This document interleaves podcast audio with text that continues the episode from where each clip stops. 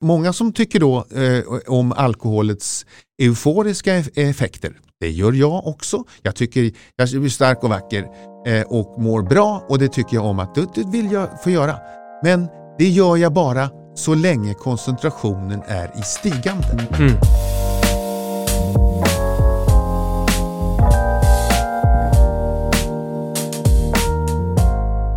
Mitt namn är Staffan Gustafsson. Välkommen till Utforskarvården med Dr. Mikael. Idag ska vi prata om ett ämne som jag vet eh, både du och jag brinner för, nämligen jämlik vård.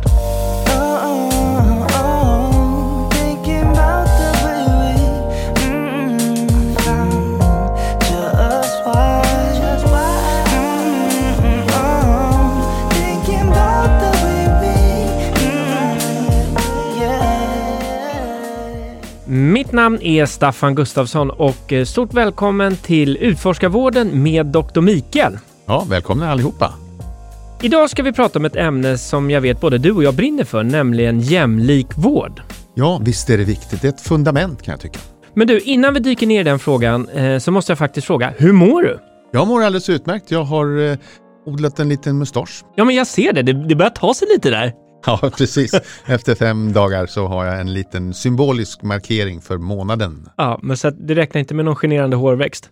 Nej, nej, nej, ingenting utöver detta. hur, hur jämlikt lever du där hemma?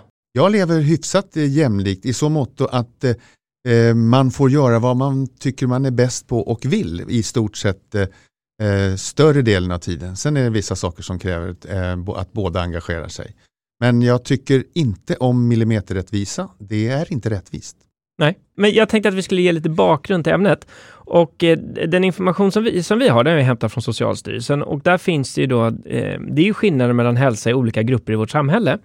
Men eh, syftet då med en jämlik hälso och sjukvård, det innebär ju kort och gott att vården ska tillhandahållas och fördelas på lika villkor för alla. Så tillbaka till min fråga då. Hur egentligen jämlik är vården i Sverige? Är det lika vård för alla?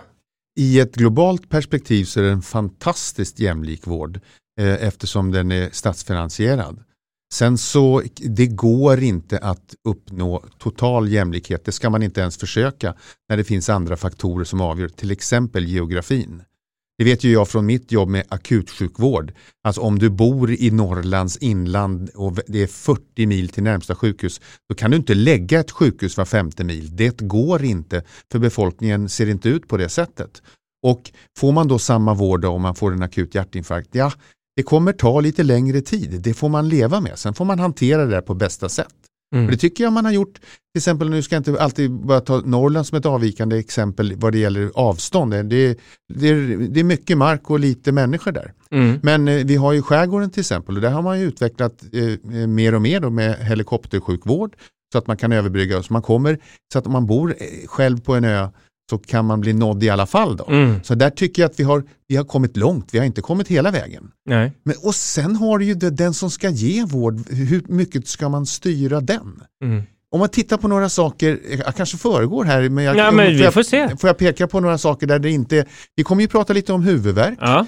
Ibland så är huvudvärk väldigt allvarlig Eh, och ibland så är det svårutrett mm. vid, vid ovanliga former av migrän och sånt där. Då, då behöver man tillgång till neurolog. Mm. Om en neurolog inte vill bo i Dalarna så gör den ju inte det.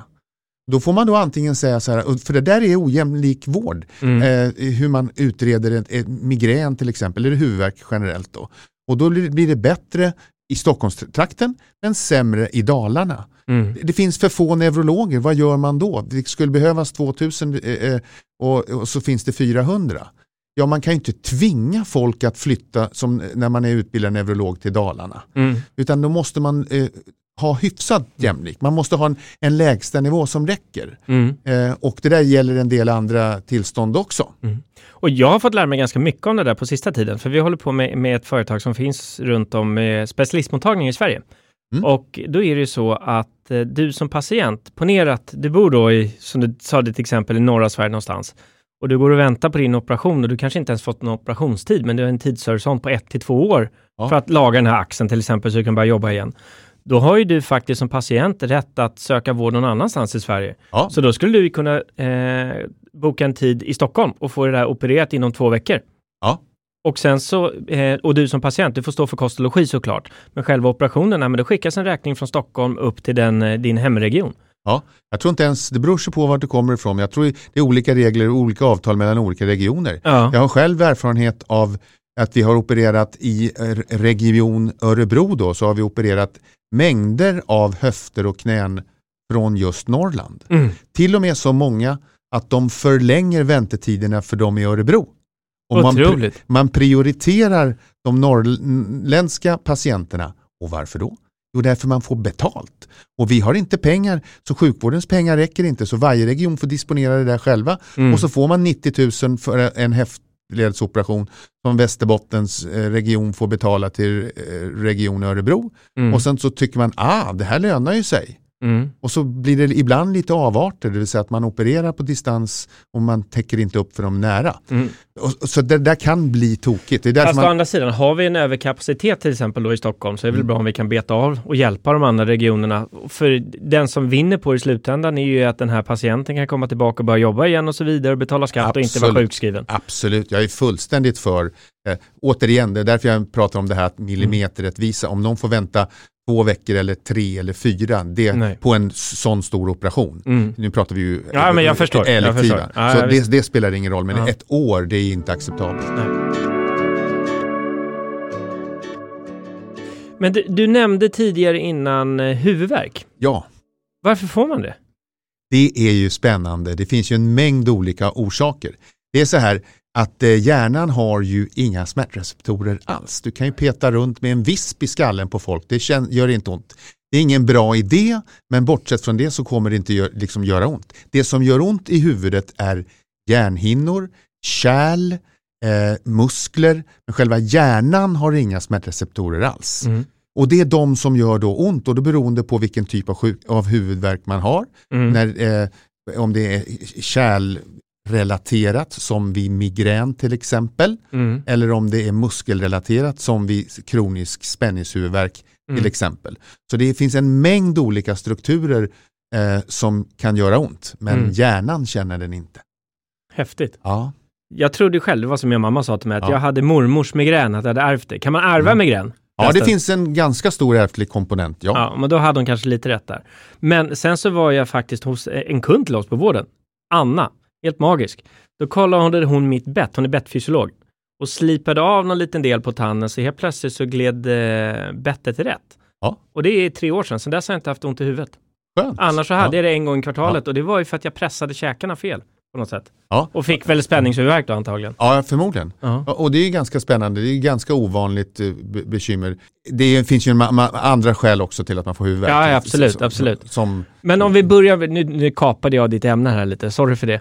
Men du, eh, om, du om vi går tillbaka då till liksom så här, vad ska man tänka på? Vad finns det, ska man skilja på farlig huvudvärk eller ofarlig? Vad, hur? ja, det ska man. Det finns Ja. några, det är ju så här att det finns en mängd olika eh, strukturer som vi har pratat om.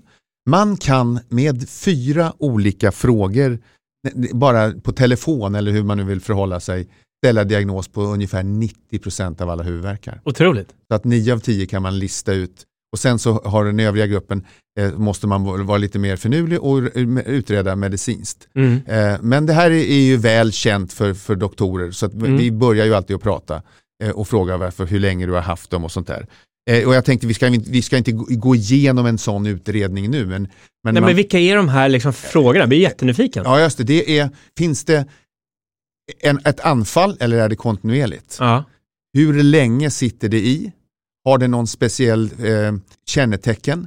Som till exempel en aura vid migrän och hur ofta kommer huvudvärken? Mm. Och utifrån de här så finns det olika former som eh, kroniskt spänningshuvudvärk kanske man har dagligen Mm. medan eh, Hortons eller klusterhuvudvärken sitter bakom ett öga, väldigt typiskt, Mm. sitter i eh, eh, minuter till timmar. Migrän sitter i till exempel eh, timmar till dagar. Mm. Trigeminusneuralgi, alltså en, en, en ansiktsnerv som, som man kan sitter i sekunder till minuter. Mm. Bara man ställer här, de här frågorna, hur länge har du ont hur länge sitter det i? Finns det något typiskt? Märker du någonting annat? Så kan man få med liksom nio av tio huvudvärk. Mm. Kan man redan där. Mm. Men sen finns det ju då, Är det, finns det någon varningsklocka då som Ja, tänker det det här är inte jag. bra? det gör det ju verkligen. Ja. Och det är debuten. Det, man kallas på, eh, på åskknallshuvudvärk och den är väldigt typisk och den som har haft det behöver inte få den förklarad för sig. Från från... en sekund till en annan. Mm. Eh, inte alldeles ovanligt vid eh, toalettbesök. Eh, och det, det har man inte riktigt någon en sån här jättebra förklaring till. Men vad är det som händer då? Jo, man får en subarachnoidalblödning. Ja, men vad är det då? Hjärnblödning, är en det? hjärnblödning. Man känner Okej. när kärlet går sönder och där har man smärtreceptorer och sen så börjar det där blodet sippra ut och då känner man. Det är ett varningstecken. Man kan få sådana blödningar ändå, en liten blödning som eh, sprider sig och inte så Men om man nu har det här, så den här debuten som är sekundsnabb, då skall man söka vård akut.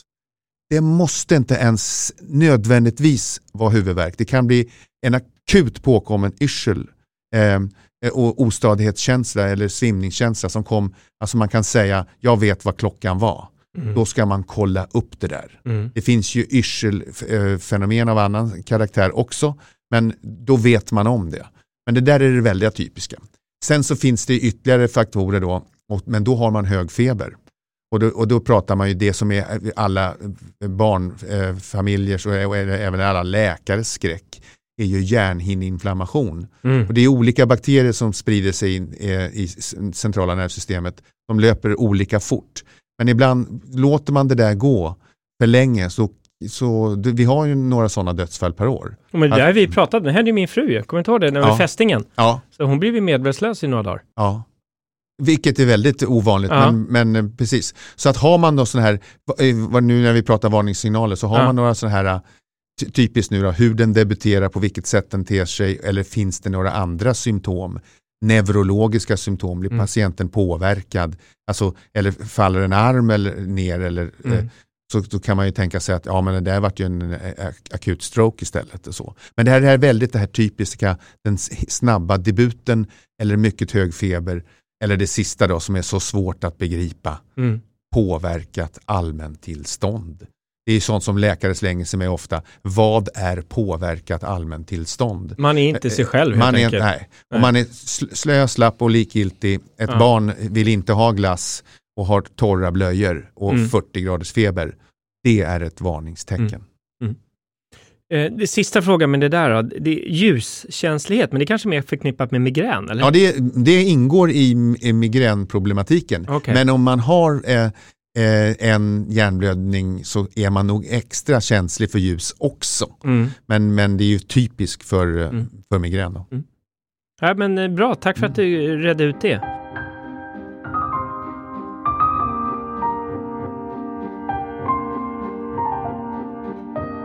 Nu har vi pratat massa om olika typer av huvudvärker, men eh, en typ av huvudvärk som vi inte har bemött än, det är ju den som är liksom helt och hållet självförvållad Ja, och kanske tenderar med olika högtider. Den brukar komma någon gång vid midsommar kanske, den kan komma någon gång vid nyår och under, om det är lite för mycket roliga julbord och så vidare. ja, Du förstår vilken jag tänker på va? ja, verkligen. Ja, Spänningshuvudvärken. Och det är,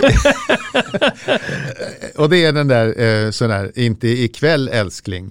Eh, jo, jag förstår vad du menar. Alltså hur, jag, hur botar man? Bakfylla är, är, är frågan. ja men här. precis, precis. För kalla en spade en spade. Ja, Ja. det tycker jag vi ska göra. Ja. Ja, det finns några grundläggande principer. Det vet ju alla. Man låter bli att dricka och det, har alla, det förstår alla och det rådet eh, kan vi ju ge men det är inte det intressanta. Nej. Utan det är hur man hanterar det. Det är gott. Jag själv är förtjust i, i, i rödvin till julbordet. Eh, Mm. Inte så mycket snaps men jag brukar ta en eh, och jag, ingen tvingar mig men jag, jag, den sociala faktorn är rätt stor.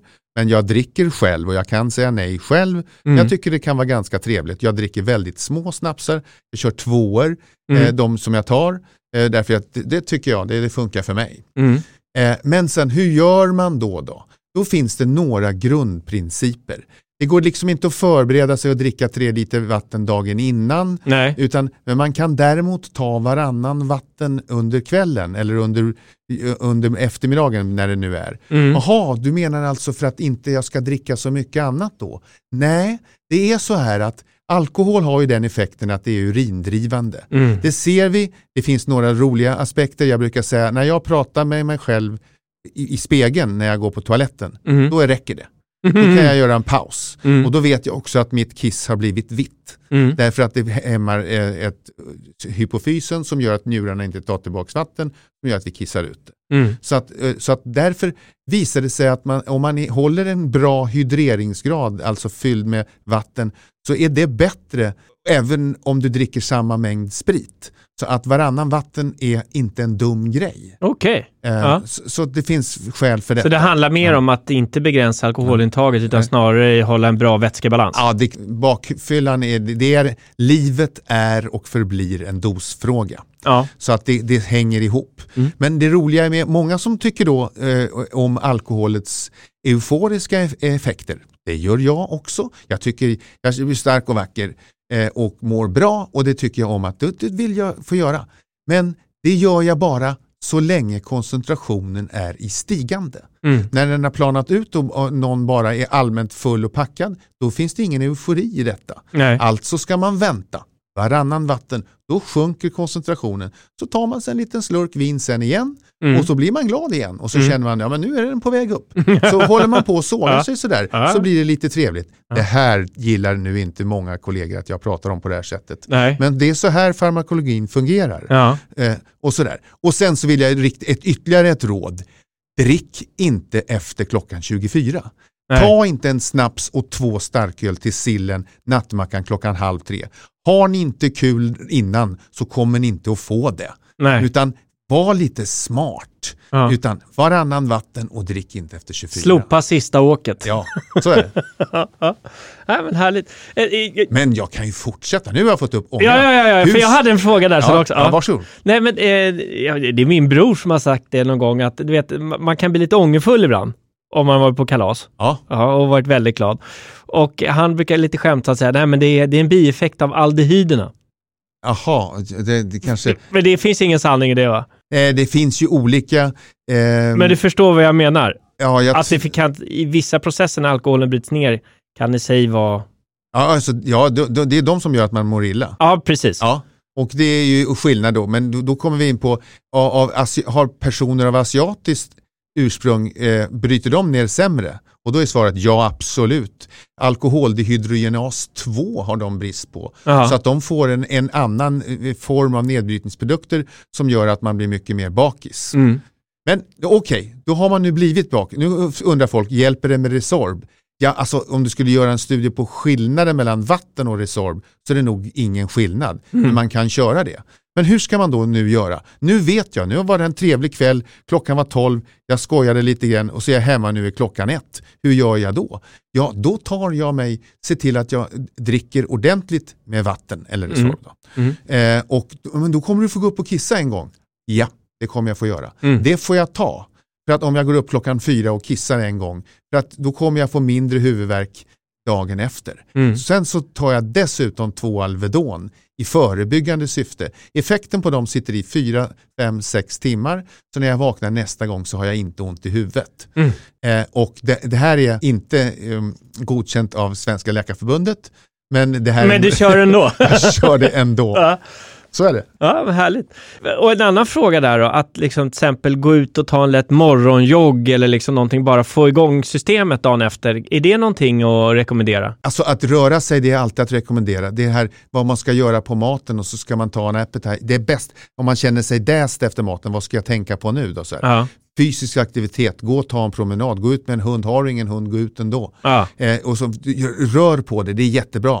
Okej, är det smart att köra innebandy på julaft, juldagens morgon. Det måste väl ändå lite hurtigt vara så här. Det är det dummaste. Då är koordinationen som sämst. Man kommer absolut slita av hälsenan eller Ja. vricka sig. Garanterat. Så är det någonting, ska ni göra något lätt, simma eller jogga möjligen eller hellre en promenad just den dagen när ni är lite bakis. Men inte för Ingen, fysiskt. ingen fin motorik för den är nedsatt, koordinationsförmågan är sämre. Mm. Ni kommer göra illa er.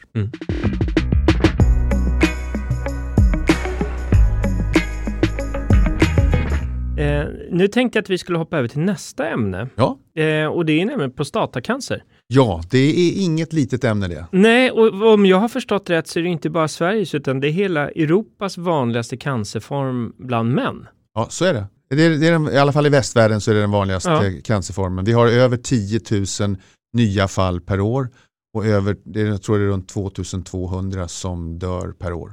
Ja. Och, och jag, jag, du har ju lite en begynnande mustasch här, väldigt prydligt måste jag säga. Ja. Eh, och, och det, kan väl, det är väl inte en tillfällighet nu att vi går in här? I... Ja, precis. Nej, det är ingen tillfällighet utan det är en liten symbolisk handling. Jag körde Nyhetsmorgon här, då hade vi det här uppe och vi fick en enorm respons och en uppsjö av frågor. Eh, och det är mycket glädjande och lite sorgligt för att man har många enkla frågor och många har varit hos doktorn. Mm. Och de vet inte vad doktorn har sagt. Nej. Och jag vet ni, hur många gånger har inte jag sagt det här? Vi har ju pratat om det, förstod du vad doktorn sa? Absolut. Och det gör man inte.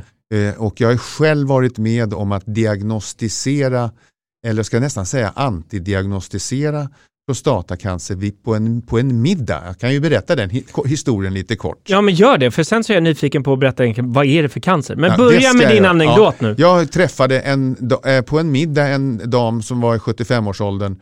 Eh, hon var så ledsen över hennes, sin 40-årige son som hade prostatacancer.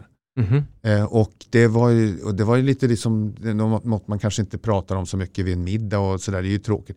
Väldigt ovanligt. 40 år gammal finns ju men Ja, jag det var väldigt tråkigt det där. Så att, hur har det där gått till då? Ja, man hade tagit ett prov och det var ju negativt. Ja, det var ju skönt. Ja, vadå? Det var ju negativt. och så kom vi in på den diskussionen. Ja. Alltså, var det negativt? Men vad, vad, ja, det skulle följas upp igen. Mm. Ett, bara en, fyra, fem ytterligare frågor så sa jag nu, din son Olle har inte cancer. Ah, kan du väl inte säga, du kan inte sitta och ställa diagnos, men han har inte cancer. Han, han går på uppföljning för att man kanske har. Mm. Eh, så han har nog inte cancer. Och det vart ju en fullständig uh, liksom stämningsbytare om man säger så där. Vad menar du? Ja, men han hade pratat, han, doktorn hade sagt att någonting om cancer och sen hörde han inte mer. Och sen så var det negativt och, och provsvar. Ja, som ja. var negativt och sen skulle det följas upp så det fanns mm. något. Vilket för oss osökt in på på prostatacancer och det svåra med diagnostiken. Mm. Men du, vad är egentligen prostatacancer då? Ja, om vi ska ta det från början så är prostatan en körtel som producerar olika ämnen och där sädesvätskan tömmer sig eh, in i urinröret. Eh, och då behövs det eh, något ämne, PSA, som står för prostataspecifikt antigen. Mm. Det är en naturlig substans. Mm. Det är inte en cancertumörsubstans. Mm. Det är naturligt förekommande i hela kroppen, extra höga koncentrationer i prostatan. Hur stor är den? Om vi det, jämför med en frukt? En kastanj. Jaha. Ungefär så. Okay. Så står det i prostatan och ja. omsluter urinröret då. Ja, jag förstår. Eh, och eh, och då, utan eh, det här PSA så blir det inga barn. Nej. Utan det är fullständigt eh, nödvändigt för vårt släktes eh, fortskaffning. Därför att det gör, eh, den här gelen som eh, spermierna ligger i löses upp. Eh, så ejakulatet då eh, blir mycket mer simvänligt för spermierna. Jag förstår, jag förstår. Så att då kan de simma snabbare och bättre och mm. befrukta kvinnan. Mm. Så, att, så den, vi måste ha en prostata för att föra släktet vidare. Mm. Eh, men det, den här förstoras av, av godartad prostataförstoring och då får man en liten höjning av det här PSA-provet. Eh, Jaha, så det är PSA, det är det, nivån av den som man mäter? Precis Och så, har man en ja. väldigt hög så har man risk för att ha cancer? Ja, just det. Jag fattar. Och då har man den här, och nu, det är det här som är så svårt att kanske inte förstå, men att ta till sig vidden av har man lågt så finns det väldigt eh, starka statistiska skäl för att du inte har cancer. Har du högt finns det väldigt starka för att du har det. Mm. Men ligger du i en mellanområde, mellan till, har du passerat 3 mikrogram per liter, mm. Eh, det, det, alltså då bör man följas upp. Och det där området när man skulle kunna ha cancer är stort. Mm. Och det kräver mycket. Och vad, har, vad blir, har då blivit effekten av det här? Jo, att man går vidare och så känner man prostatan med fingret och så känner man att det var lite knöligt det här. Här ska vi ta ett blodprov, ett vävnadsprov. Mm. Och då för man in en nål i stjärten eh, och sticker i prostatan. Du hör, det låter inte så trevligt. Ja, men det va? låter jäkligt ont det där. Ja, och det, och det har blivit bättre men det är inte bra. Det känns så, men det är obehagligt. Ja. Och då så ja, utreder man det här och då är det risk för blödning, det är risk för infektion. Man får 100 stycken blodförgiftade patienter per år Ja, för att bevisa att någon inte har cancer. jag förstår. Och då, för problemet är att med PSA-provet så för vissa så får man en stark överdiagnostik. Mm. Det, det, blir så att du måste kanske behandla 10 patienter för att bota en cancer. Mm. Och, och hur behandla, nu raljerar, jag ska inte Ja. säga raljerar, men jag förenklar siffrorna. Ja. Men du har kanske en cancer som aldrig skulle bli något aggressiv eller någonting. Den växer sakta. Mm. Det vet vi inte. Nej. Men den, de, de finns och det är vanligt att det är så. Men för att fånga de här snabbt aggressiva cancerna så måste man behandla fler. Mm. Ja, okej, då behandlar vi 10 personer så har vi botat en statistiskt. Mm. Ja, bra. Men av de här 10 så vart två impotenta. Två vart inkontinenta för resten av livet. De andra fick säga nej till sex för resten av livet. Någon fick infektion för att rädda en. Så att skadan är större. Så att det är farligt med Men överdiagnostik. varför pratas det inte så mycket om det här då? Ja, det gör det ju det här, då kommer vi in på fenomenet allmän screening. Screena för alla, ja men ta ett PSA på alla patienter. Jättedumt. För vi, får, vi kommer alltså överbehandla För det finns, förlåt, men det finns det ju mammografi så vill ju man att, att alla över en viss, viss ålder ska gå och kolla prostatan. Ja, Men jag trodde det var att man kollar den på ett enkelt sätt och sen så var det klart. Men så är det ju är det uppenbarligen inte. Men det är jättebra att du tar upp om man jämför med livmoderhalscancer Mm. och, och bröstcancer. Eh, Det här står ju inte emot varandra på något sätt, men om man Nej. jämför, då är ju inte risk, då är ingen risk till överdiagnostik. Nej. Utan du får reda på. Du Det är kan- mer binärt. Ja, ja precis. Det du tar reda på, ja, ja det här var en, en cancer, då tar vi bort den, eller det var ingenting, vi låter den vara. Ja. Men så går det inte att göra. Och prostatan sitter så till under urinblåsan att den ger inga symptom eh, i början av en sjukdom. Utan när, när du får symptom, svårt att kissa, ont i kroppen, ont i benen, då är det för länge sedan för sent. Så det finns inga liksom tidiga varningssignaler. Ingenting mer än PSA-provet. Och detta var Och det har ju massa biverkningar. ja, det kan få överdiagnostik alltså. Ja. Men nu är det ju saker på gång. ja. Så forskningen står ju inte still. Utan nej, nej, nej. nu har man kombinerat det här till exempel så att man tar PSA-provet och när man då hittar några som då har ett förhöjt PSA Mm. och det vanliga då är att man inte har cancer. Ja. Men nu har vi några som har förhöjt. Ja. Och så säger man, vi vet inte, hörru du, hörru där, du kanske har cancer. Ja men vad fan, jag har ju gått till doktorn, det är ju du, svara på det. ja, det är ju inte Det- kul att gå runt med ett kanske. Eh, Kanske i, i, och oroa dig för framöver i Ja. åratal. Ja, ja, ja. Men då kan vi komma längre. Då tar vi de här biopsierna. Men nu, har man kommit, nu kan man vänta med att sticka i prostatan. Då kan man köra MR. Det är alltså inte röntgen. Nej. Utan man gör en magnetresonanskamerundersökning. Eh, kameraundersökning. Mm. och då kan man, det är ju bra för mjuk, mjukdelsvävnader som Mm. prostatan. Och då kan man titta där så ser man här, du vi trodde här men nu ser vi hela prostatan. Nu ser vi att den, den ser bra ut. Vi behöver inte sticka. Och om det var så att det sitter en liten prick där som vi skulle, då kan man sticka i den distinkt istället för att sticka blint i en, en nöt och säga här, vi tar prover lite här och Mm. Men var. nu, nu, nu har du tappat mig lite här. För om du kollar, om man gör ett så PSA-test. Ja. Man känner på det och sen så kan man göra det provet. Ja. Det du säger att man kan göra istället för att ta PSA-provet, det är ett MR. Ja just det, men, men det gör man bara på de som har förhöjt PSA-prov. Ja, men då har ju redan stuckit. Så då är väl skadan Nej, redan nej, skedd, nej, nej, nej, nej, nej, då ska jag ta det från början. Ja. PSA-provet är ett blodprov. Ah, men bra. För jag trodde Ja. att det var någonting Nej, uppe och hej och inte, inte alls. Inte alls. nej. Utan PSA är ett blodprov. Ja, men bra, då, Och fattar jag. och, och, sådär, så att det finns, och, då, och när eh, cellerna går sönder av en cancer som växer, då går cellerna sönder och läcker ut PSA Mm. och så mäter man det. Men för, på det nu då, eller, och en annan fråga. När ska man börja hålla koll på, uh, på kastanjen? På kastanjen ska man hålla, om man inte har ärftlighet för det, ja. vilket innebär att man har två stycken nära släktingar som har, har haft eller har eh, prostatacancer. Far, bror, morfar, farfar eller så. Mm. Om man har två sådana då ska man börja eh, vid 40 års ålder om man inte har symptom. Okej. Har man symptom så kan man ju ta sina prover och utredning direkt. Mm. det är bara gå till doktorn och säga Mm. att jag har blod i urinen. Det ska ju utredas oavsett. Mm. Det gör ont när jag kissar eller jag har svårt att kissa. Det är en sak. Men om du är helt frisk, känner jag har inga symptom, då är, ska jag, om man har en ärftlighet för det från 40 års ålder, om jag är, inte har en ärftlighet för det från 50 års ålder, kan man rekommendera. Mm. Men då gäller det att veta att det här att i samma ögonblick eh, som jag eh, bestämmer mig för att det här provet ska tas så riskerar jag ju att jag får ett ja, kanske. Mm.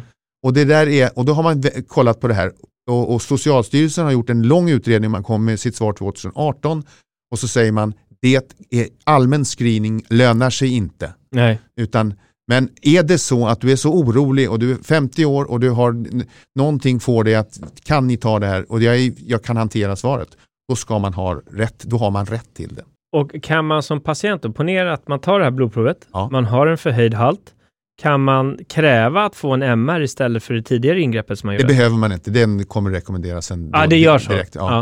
Och Sen har det kommit en ny metod eh, som är ett blodprov där det ingår 47 olika eh, gen och eh, proteinmarkörer som heter, Mm. eh, som heter Stockholm 3 som är, det forskas på. Och d- det är bättre än PSA. Okej. Det, så det reducerar, eh, eh, fångar upp fler cancrar och tar bort fler felaktiga cancrar och reducerar antalet krav, behov av, av biopsier från eh, kastanjerna som vi kallar det. Mhm.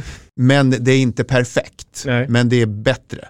Men detta kombinerat med till exempel MR gör att det är det som har gjort att, vi, att vår behandlingsstrategi är, framgångsrik. Men Men, fortfarande så är, är vi tusentals som dör. Men tänk om vi har någon lyssnare som är mellan 40 och 50 år och bara funderar på jag kanske ska ta det här. Kan man säga att man vill göra Stockholm 3? Eh, det var ju en väldigt bra fråga. Eh, då, då, Eller måste man vara med i någon studie då kanske? Nej, det, alltså det, man, det kan olika regioner svara på olika. Ja. Det, det ena provet kostar 200 spänn och det andra kostar 2300 eller något sånt där. Så att man får vara en, en, en skicklig förhandlare låter det som. Precis, eller en, en privat vårdgivare. Men det finns, eh, jag läste senast på det här i, i morse, och det finns väl ungefär 200 vårdgivare i Stockholmsregionen som Mm. tillhandahåller detta. Mm. Och är det medicinskt motiverat, det ju så, men det kan man nog hävda. Men det ingår inte i en screening så man kan Nej, inte kräva det. Nej. Men man kan mycket väl insistera att det tas. Mm. Men som sagt var, det här är en, en ålderssjukdom och är det så att man är 75 år nu då och inte har några symptom, då är det heller ingen idé för då kommer man inte hinna utveckla någon prostatacancer. Det kommer komma andra saker emellan. Ja, just det. Mm. Så det är väldigt, men det här är alltså den vanligaste cancern ska jag säga. Så att Mm. en av 20 svenska män dör Mm. eh, av det. Men det finns många fler som dör med prostatacancer än av prostatacancer. Ja, jag förstår. Men Det är sen- ett litet strimma hopp i alla fall. Ja, just det. Eh, precis, verkligen. Men sen så finns det sådana här andra vägar. Jag sitter här glad själv för jag har av olika eh, skäl så har jag genomgått hälsoundersökningar för att få vara med i några program som Ja. jag, eh, kommer att sändas här under vintern. Ja. Eh, och då tog man PSA utan att fråga mig, vilket inte gjorde mig någonting. Och så får jag ett värde på 0,77. Lägre än 1, jag är äldre än 60 år. Jag kommer, det är ytterst osannolikt statistiskt sett. Mm. Men har du få- någon nära släkting? Så det är ytterst osannolikt att jag ska få cancer någon gång i hela mitt liv av Mm. prostatakaraktär. Ja, Och då, då blev det, fan vad skönt. Då. Ja, men det var ju inte så dumt att få det beskedet, eller Nej. hur? Men eh, jätteintressant att få göra den här djupdykningen i prostatacancer. Så om det jag fångar upp av det du har sagt är ju då att eh, har man nära släktingar som har haft prostatacancer, två nära släktingar som har haft det, då är det dags att göra en första check när man kommer upp i 40-årsåldern. Ja. Har man inte haft det så kan man vänta fram tills man är i 50-årsåldern, såvida man inte får någon symptom. Perfekt. Och ska du, kan du ta då, då någon vanlig symptom? Svårt att kissa, eh, svå, eh, trängningar, det vill säga att man vill kissa men kan inte. Blod eh, i urinen, eh, smärta, eh, avtackling, värk i skelettet, men då är det för sent. Ja, ja. Så alltså, har du släktingar, två släktingar som är på nära håll från 40-årsåldern, annars 50 år eller vid symptom. Men det visar sig också nu rent psykologiskt att Ja. skrämseltaktik är inte det bästa, utan det är utbildning så som vi håller på Ja, med. ja, Och då vill jag bara avsluta med att säga att godartad eh, prostataförstoring är mycket vanligare. Godartad prostataförstoring som många män har leder icke, jag upprepar, icke till cancer. Det sannolika vid ett måttligt förhöjt värde är att man, av PSA är att man inte har cancer. Men det är många gånger för sent att när man får symptom är det för sent. Mm.